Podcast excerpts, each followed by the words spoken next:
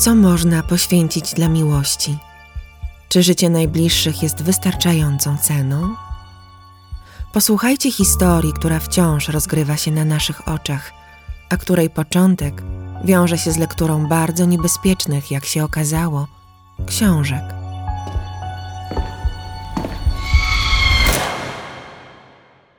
Chad Guy Daybell urodził się 11 sierpnia 1968 roku w Provo w stanie Utah w rodzinie mormońskiej.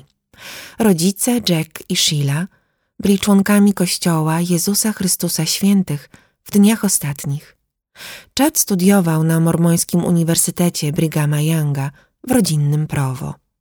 Studenci tej uczelni nie mogą pić alkoholu, brać narkotyków i uprawiać seksu przedmałżeńskiego. Muszą ubierać się skromnie i nawet czesać w określony przez instytucję sposób. Przyzwyczajony od dziecka do takiego życia Chad nie miał problemu z ukończeniem szkoły i uzyskaniem licencjatu na Wydziale Dziennikarstwa w 1992 roku. Po studiach pracował jako redaktor do czasu, gdy w 2004 roku założył własne wydawnictwo Spring Creek Book Company. Prowadził je wraz z żoną, Temi, którą poślubił jeszcze na studiach w 1990 roku. Parze urodziła się piątka dzieci. Wydawał książki i sam pisał, ale to wciąż było za mało, by utrzymać powiększającą się rodzinę. Dlatego dorabiał sobie jako grabarz. Jego współpracownicy określali go jako skromnego, spokojnego człowieka. Stopniowo jednak Dejbel ulegał przemianie. Napisał 25 książek. Zaczął od publikacji o doktrynach mormońskich. Im więcej ich pisał, tym bardziej odchodził od wiary, w której się wychował. Życie na skraju nieba mówiło o jego dwóch doświadczeniach na pograniczu śmierci. Pisał o zbliżającej się apokalipsie i pracy przy kopaniu grobów. W 2015 roku usłyszał głos, który nakazał mu, by przeniósł się wraz z rodziną z Utah do Rexburga w Idaho, co też uczynił. Skupił się na opracowaniu serii książek o idei apokaliptycznej Ameryki i innych wydarzeń, które mają nastąpić przed powtórnym przyjściem Jezusa Chrystusa. Publikował też podcast, w którym koncentrował się na końcu świata i przygotowaniach do niego. Dejber został samozwańczym przywódcą kultu końca świata. Jedni fani odchodzili, zdegustowani jego zmianą poglądów, pojawiali się jednak drudzy. A największą wśród nich była Lori Vellow. Lori Norin Cox urodziła się 26 czerwca 1973 roku w Kalifornii. Szkolna królowa piękności, w wieku 19 lat po raz pierwszy wyszła za mąż. Małżeństwo trwało bardzo krótko. Z drugiego związku ma obecnie dorosłego syna Kolbiego. Z trzecim mężem, Joe Ryanem, który po czterech latach złożył pozew rozwodowy, miała córkę, Taylee. Jej czwarty mąż, Charles Vellow, był od niej starszy o 17 lat. Dla Lori porzucił katolicyzm i nawrócił się na wiarę Mormonów. Pobrali się w 2006 roku. Wychowywali wspólnie Taylee. Synowie Charlesa z poprzedniego małżeństwa byli już dorośli. W 2014 roku para adoptowała wnuka, siostry Charlesa. Joshua, na którego wołano JJ, był autystycznym dzieckiem. Trafił do idealnej rodziny. Lori była dla niego bardzo cierpliwa i troskliwa. Taylee również świetnie radziła sobie w roli starszej o 10 lat siostry. Można powiedzieć nawet, że matkowała chłopcu.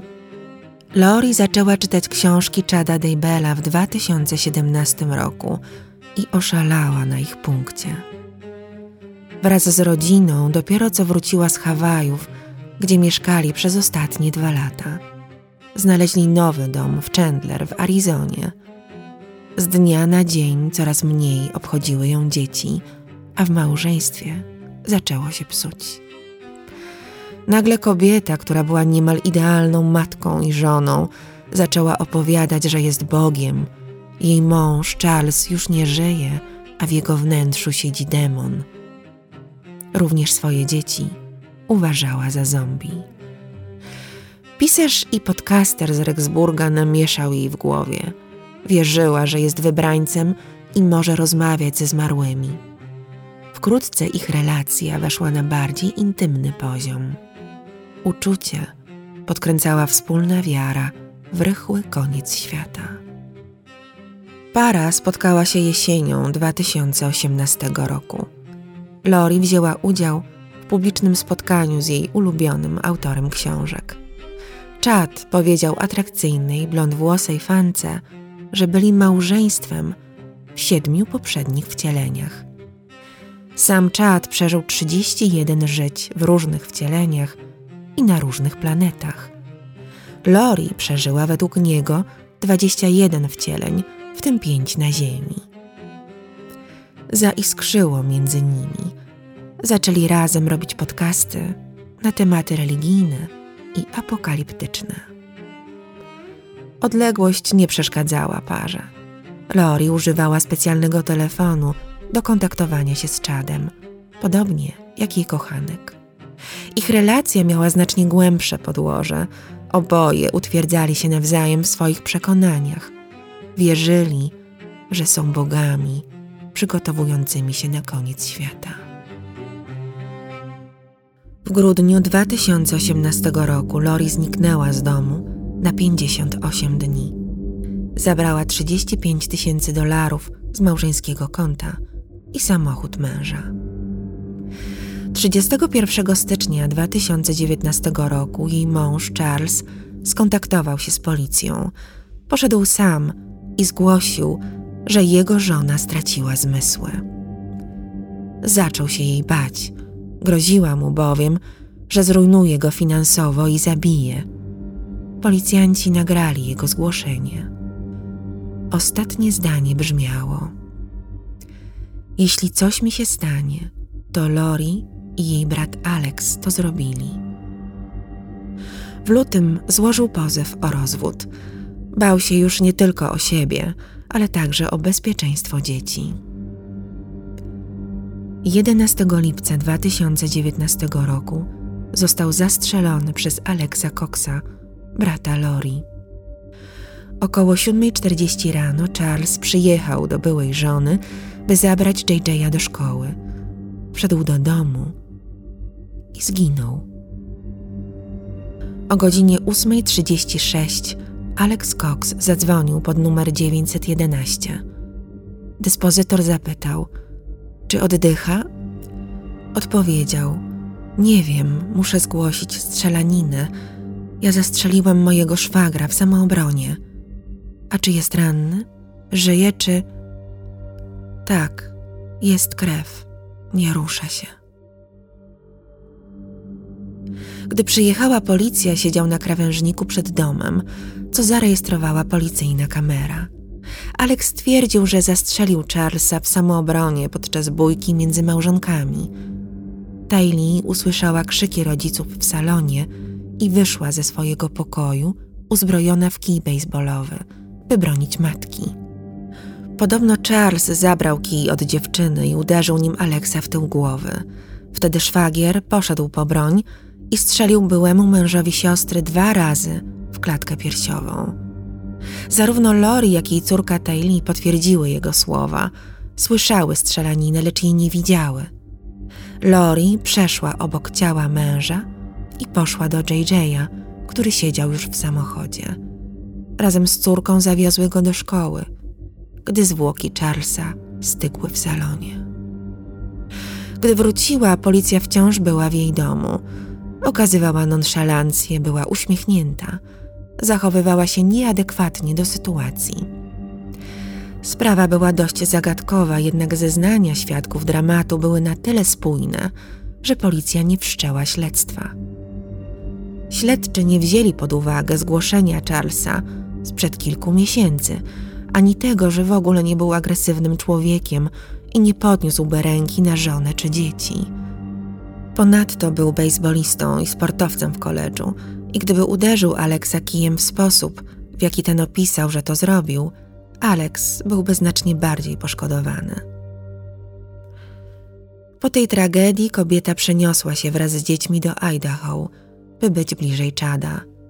Razem z nią przeniósł się w te okolice Aleks.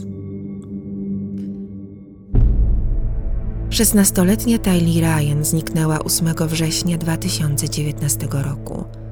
Ostatni raz widziano ją razem z JJ'em, matką i wujkiem Alexem w Parku Narodowym Yellowstone. Tu też ostatni raz zrobiono jej zdjęcie. Dzień po zniknięciu Tylee, Alex Cox pojawił się na posesji Chada i przebywał tam przez dwie godziny. 14 minut po tym, jak opuścił podwórko Daybella, Chad wysłał SMS-a do swojej żony, Tami. Zauważyłem dużego szopa przy ogrodzeniu. Wziąłem broń. Podszedłem na tyle blisko, że jeden strzał załatwił sprawę. Jest teraz na naszym cmentarzu dla zwierząt. Ani Lori, ani jej brat nie zgłosili zaginięcia dziewczyny. Siedmioletni J.J. Wellow ostatni raz był widziany 22 września. Przyjaciółka Lori, Melanie Gibb i jej chłopak David przyjechali do niej na weekend z Arizony. W nocy David widział, jak Alex niósł J.J.a do pokoju jego mamy. Następnego dnia, gdy goście zapytali, gdzie jest chłopiec, usłyszeli od Lori, że JJ jest zombie i Alex musiał go zabrać. 24 września Welą zadzwoniła do szkoły poinformować, że odtąd będzie uczyła syna sama w domu. Trzy tygodnie wcześniej Lori pozbyła się psa, który był przeszkolony do pracy z autystycznymi dziećmi. Bailey, rasy Golden Doodle, nie odstępował chłopca na krok. Kobieta zadzwoniła do trenera psa, by go odebrał. Mężczyzna był bardzo zdziwiony, bo wiedział, że zwierzak spełniał swoje zadania znakomicie i tworzył z JJ-em więź.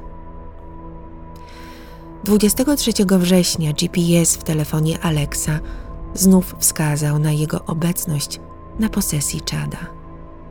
Tym razem przebywał tam jedynie przez 17 minut. W następnym tygodniu Lori kupiła sobie obrączkę za 36 dolarów na Amazonie z konta zmarłego męża, a następnie nabyła suknię ślubną. Z kim planowała ślub, skoro jej wybranek był jeszcze żonaty? Posłuchajcie. 9 października 2019 roku Tammy Daybell zgłosiła na policji, że została postrzelona na swoim podjeździe przez zamaskowanego osobnika najprawdopodobniej uszkodzonym pistoletem do paintballa. Policja nie znalazła sprawcy. Dziesięć dni później 49-letnia żona Chada nie żyła. Podobno zmarła we śnie, w łóżku, w obecności męża i najstarszego syna Garta. Obaj zadzwonili pod 911. Na początku policja uwierzyła w naturalną śmierć kobiety, tym bardziej, że Tami od jakiegoś czasu źle się czuła. Dzieci również nie miały podejrzeń i uważały, że nie trzeba przeprowadzać autopsji. Jednak w pewnym momencie śledczy zaczęli kwestionować przyczynę zgonu. Chad nie opłakiwał żony. Lori nie szukała swoich dzieci. Oboje zaplanowali wyjazd na Hawaje, gdzie chcieli wziąć ślub. Pobrali się na hawajskiej plaży 5 listopada. Przypomnę, 13 dni wcześniej zmarła poprzednia żona pana młodego. Lori i Chad zamieszkali w Idaho. Najstarszy syn Wellow, Colby, był już na swoje szczęście dorosły, miał ponad 20 lat. W tym samym miesiącu babcia JJ'a, Kay Woodcock, zaniepokoiła się brakiem kontaktu z wnuczkiem. Od dłuższego czasu Lori zwodziła ją, że z jakiegoś powodu JJ jest nieobecny. Babcia zawiadomiła policję. W listopadzie funkcjonariusze udali się do domu Lori, gdzie kobieta zapewniła ich, że chłopiec jest u jej przyjaciółki Melanie w Arizonie. Gip przyznała policji w rozmowie telefonicznej, że chłopca u niej nie było i nie ma, i że Lori namawiała ją, by skłamała. Wkrótce policjanci zorientowali się, że nie tylko JJ zaginął, ale także jego starsza siostra. Rozpoczęli ogólnokrajowe poszukiwania dzieci. Dziadkowie wyznaczyli nagrodę 20 tysięcy dolarów za jakiekolwiek informacje o miejscu pobytu ich wnuczków. Gdy Ameryka szukała Tylee i JJ'a, świeżo poślubiona para robiła sobie zdjęcia na Hawajach. Chad grał na ukulele, Lori tańczyła. Na miesiąc miodowy zabrała ze sobą akty urodzenia JJ'a i Tylee, kartę bankową córki, której używała od czasu jej zniknięcia, oraz jej telefon komórkowy. Która nastolatka oddałaby te rzeczy? Znajomi i bliscy Velo i Daybella byli wstrząśnięci na wieść o ich ślubie.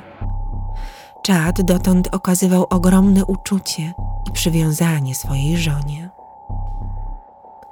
Ciężko było zrozumieć, czemu tak szybko wszedł w nowy związek, czemu nie przechodził żałoby po stracie Tami. Tymczasem Mormoni wyrzucili Chada ze swojego kościoła. Nie mógł w nim pozostać, głosząc, że sam jest prorokiem. Gdy policja szukała dzieci, podjęto również decyzję o ekshumacji zwłok Tami. Nigdy nie upubliczniono wyników autopsji. Władze wkrótce zwróciły uwagę na wynajęty przez Lori w październiku 2019 roku magazyn w Rexburgu. Wewnątrz odkryli przedmioty należące do Tylee i JJ'a lub powiązane z nimi, takie jak ubrania, rowery i zdjęcia, z których wszystkie zostały porzucone, gdy Lori nagle opuściła Rexburg pod koniec listopada i wyjechała na Hawaje. Nagranie wideo pokazuje, jak ona i jej brat Alex Cox wnoszą spakowane rzeczy do magazynu. Brat Lori niewiele już na ten temat mógł powiedzieć. 12 grudnia 2019 roku nagle zemdlał i zmarł z powodu zakrzepu krwi w płucu. Chada i Lori w styczniu 2020 roku na Hawajach wytropili dziennikarze East Idaho News. Reporter zapytał: Lori, czy możesz mi powiedzieć, gdzie są twoje dzieci? Gdzie są twoje dzieci? Lori odpowiedziała, bez komentarza. Bez komentarza? W całym kraju są ludzie modlący się za wasze dzieci, modlący się za was. Dlaczego nie dacie nam odpowiedzi? Lori odpowiedziała: Świetnie. To świetnie? To wspaniale, że modlą się za ciebie, modlą się za twoje dzieci, co? Kobieta nie powiedziała już ani słowa. 25 stycznia władze Idaho dały kobiecie pięć dni na ujawnienie miejsca pobytu jej dzieci. Aresztowano Lori 20 lutego na Hawajach pod zarzutem porzucenia JJ'a i Tylee. Dzięki procedurze ekstradycji Przekazano ją dwa tygodnie później do Idaho. Tymczasem do śledczych docierało coraz więcej niepokojących informacji od znajomych Chada i Lori. Oboje uważali, że nie mogą się po prostu rozwieść. Mieli informacje z innego świata, że nie wolno im tego robić. Wierzyli, że zostali wybrani do poprowadzenia 144 tysięcy ludzi, przygotowanych na drugie przyjście Jezusa Chrystusa. Nie wiadomo jednak, ile osób zdążyli przekonać do siebie. Na pewno niektórzy uwierzyli im i zostali zmanipulowani, podobnie jak Lori przez czada. Państwo Dejbel wierzyli, że nadchodzi koniec świata i na nich spoczywa obowiązek przygotowania się do tego, gromadzenie żywności, zapasów, by przetrwać, dopóki nie zostaną zabrani do nieba zostali wyświęceni, by przewodzić wybranym. Lori próbowała namówić koleżankę, by oddzieliła się od swoich dzieci i dołączyła do niej, i szukała, jak ona, kolejnych wybranych. Alex w tym niebezpiecznym układzie pełnił rolę egzekutora. Usuwał wszystkich, którzy stali na drodze Lori, nawet jej własne dzieci. W 2007 roku zaatakował paralizatorem trzeciego męża siostry, Joe'ego Ryana, za co został skazany na 90 dni aresztu, które odsiedział w Austin, w Teksasie. Matka i siostra Lori broniły jej. Twierdziły, że nie mogłaby zrobić niczego złego swoim dzieciom. Utrzymywały, że na pewno JJ i Tylee są gdzieś ukryci. Od śmierci Charlesa Lori obawiała się zemsty bliżej nieokreślonych, ale związanych z nim osób. Dlatego z pewnością zabezpieczyła dzieci przed spodziewanym atakiem. Nawet w tym momencie para nie chciała przyznać, co stało się z Taylor i JJ'em. Dlatego władze postanowiły przeszukać posesję Chada. Zbyt wiele poszlak prowadziło do jego domu w Idaho. 9 czerwca na podwórku Daybella pojawili się agenci FBI, policjanci z Rexburga i funkcjonariusze z biura szeryfa hrabstwa Fairmont. Wiedzieli, gdzie kopać. Wybrali dokładnie te miejsca, w których znajdował się telefon Alexa podczas jego dwóch wizyt na jesieni poprzedniego roku. Znaleźli ludzkie szczątki w płytkich grobach. Po przebadaniu ich przez ekspertów medycyny sądowej okazało się, że należały do Tylee Ryan i J.J. Vellow. Chłopiec został pochowany pod drzewem, dziewczyna na cmentarzu dla zwierząt. Ciało nastolatki zostało poćwiartowane i spalone. Ciało JJ'a było owinięte od stóp do głów taśmą klejącą. Nie znaleziono żadnego pogrzebanego szopa na posesji. Dejbel został natychmiast aresztowany. W maju 2021 roku Lori Vellow i Chad Dejbel zostali oskarżeni o morderstwo pierwszego stopnia JJ'a i Tylee.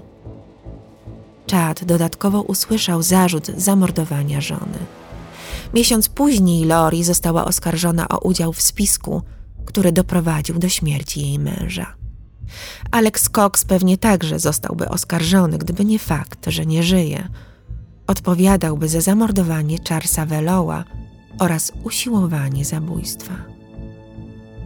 Obecnie śledczy uważają, że to właśnie on strzelał do Tami Daybell 10 dni przed jej śmiercią z prawdziwej broni, a nie pistoletu do paintballa. Lori i Chad nie przyznali się do winy i wciąż nie przyznają. W dniu pierwszego pojawienia się Lori w Rexburgu sala sądowa była pełna. Kobieta miała tak zwane wejście. Pojawiła się ubrana w pomarańczowo-biały strój więzienny. Miała włosy prosto od fryzjera i czerwoną szminkę na ustach. W czerwcu 2021 roku została uznana za niezdolną do stawania przed sądem. Jej sprawę wstrzymano. Kobieta przebywała wówczas na leczeniu psychiatrycznym. We wrześniu dzieci Czada publicznie potwierdziły swoje przekonanie, że ich ojciec jest niewinny. Do dziś wierzą, że został wrobiony przez Lori i Alexa. 11 kwietnia 2022 roku uznano, że Lori może stanąć przed sądem. Rozpoczęcie procesu zaplanowano na 23 stycznia 2023 roku. Obojgu grozi kara śmierci. W Idaho uśmierca się skazańców za pomocą zastrzyku trucizny. Ostatnia egzekucja miała tam miejsce w 2012 roku. W historii stanu tylko jedną osobę ułaskawiono. Ameryka nienawidzi Lori Vellow Daybell za porzucenie dzieci na śmierć, za okazywanie beztroski w chwilach, gdy miliony ludzi martwiły się o jej rodzinę. Niezależnie od wyroku, jaki zapadnie, oboje wraz z Chadem już zostali skazani w oczach opinii publicznej. To nie pierwsza historia, w której dzieci płacą życiem za urojenia religijne rodziców. Byłoby o wiele lepiej na tym świecie, gdyby zamiast pielęgnować nienawiść do sprawców, skupiono się na tropieniu pierwszych oznak szaleństwa i izolowaniu niebezpiecznych mesjaszy, wybawicieli, wybrańców.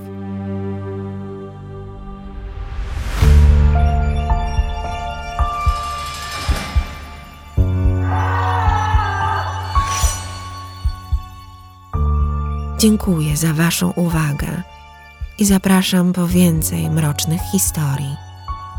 Renata z worka kości.